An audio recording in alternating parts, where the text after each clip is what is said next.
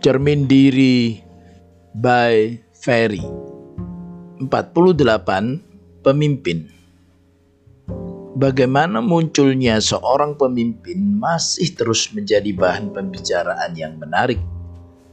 Apa yang menyebabkan seseorang muncul sebagai pemimpin? Apakah karena ia memang sudah ditakdirkan oleh Tuhan untuk menjadi pemimpin sehingga lahir memang sebagai pemimpin? Atau apakah karena ia dibentuk dan diproses menjadi pemimpin? Menurut pandangan saya, keduanya benar. Artinya, seorang pemimpin memang sudah diberi bakat oleh Tuhan untuk menjadi pemimpin. Tetapi dalam kehidupan ini, yang bersangkutan bersedia dibentuk untuk menjadi pemimpin. Menurut para ahli, bakat atau kemampuan yang Tuhan berikan mungkin hanya 20% dan sisanya adalah karena proses pembentukan. Seorang pemimpin juga dikategorikan dari jumlah pengikut. Ada yang memiliki kapasitas memimpin ribuan orang, tetapi ada pula yang diberi kapasitas memimpin kurang dari 10 orang. Kita harus menjalankan kapasitas berapapun yang Tuhan percayakan kepada kita dan tidak iri hati dengan pemimpin lain yang kapasitasnya lebih besar. Justru ketika kita benar-benar memimpin orang lain yang mungkin jumlahnya sedikit, maka Tuhan akan mempercayakan kepada kita untuk memimpin dalam kapasitas yang lebih besar. Seorang pemimpin diakui bukan hanya karena keahliannya dalam memimpin, melainkan juga kehidupan pribadinya dan kehidupan keluarganya. Banyak orang memimpin memilih pemimpin hanya dilihat dari keahliannya dan mengabaikan moralnya.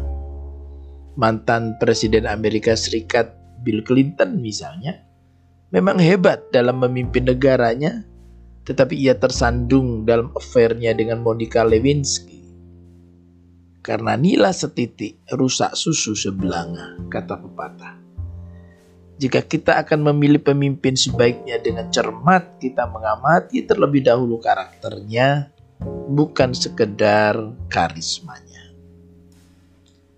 Pemimpin juga diakui bukan dari sekedar posisinya tetapi pelayanannya kepemimpinan tanpa pelayanan akan bersifat arogan dan semau gue. Semakin tinggi posisinya, seharusnya ia semakin melayani.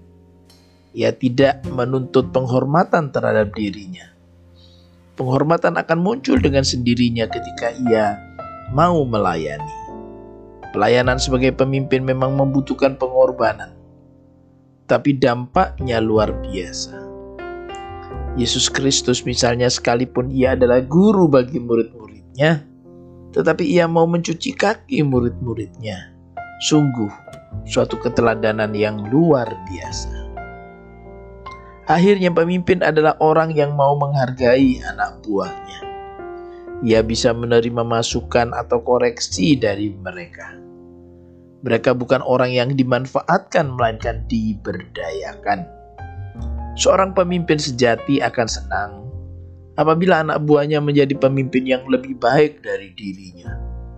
Bahkan dia akan dengan sengaja membentuk pengikutnya untuk menjadi lebih baik dari dirinya. Ia tidak takut tergeser atau tersaingi. Seorang pemimpin harus mampu melahirkan pemimpin yang lebih baik dari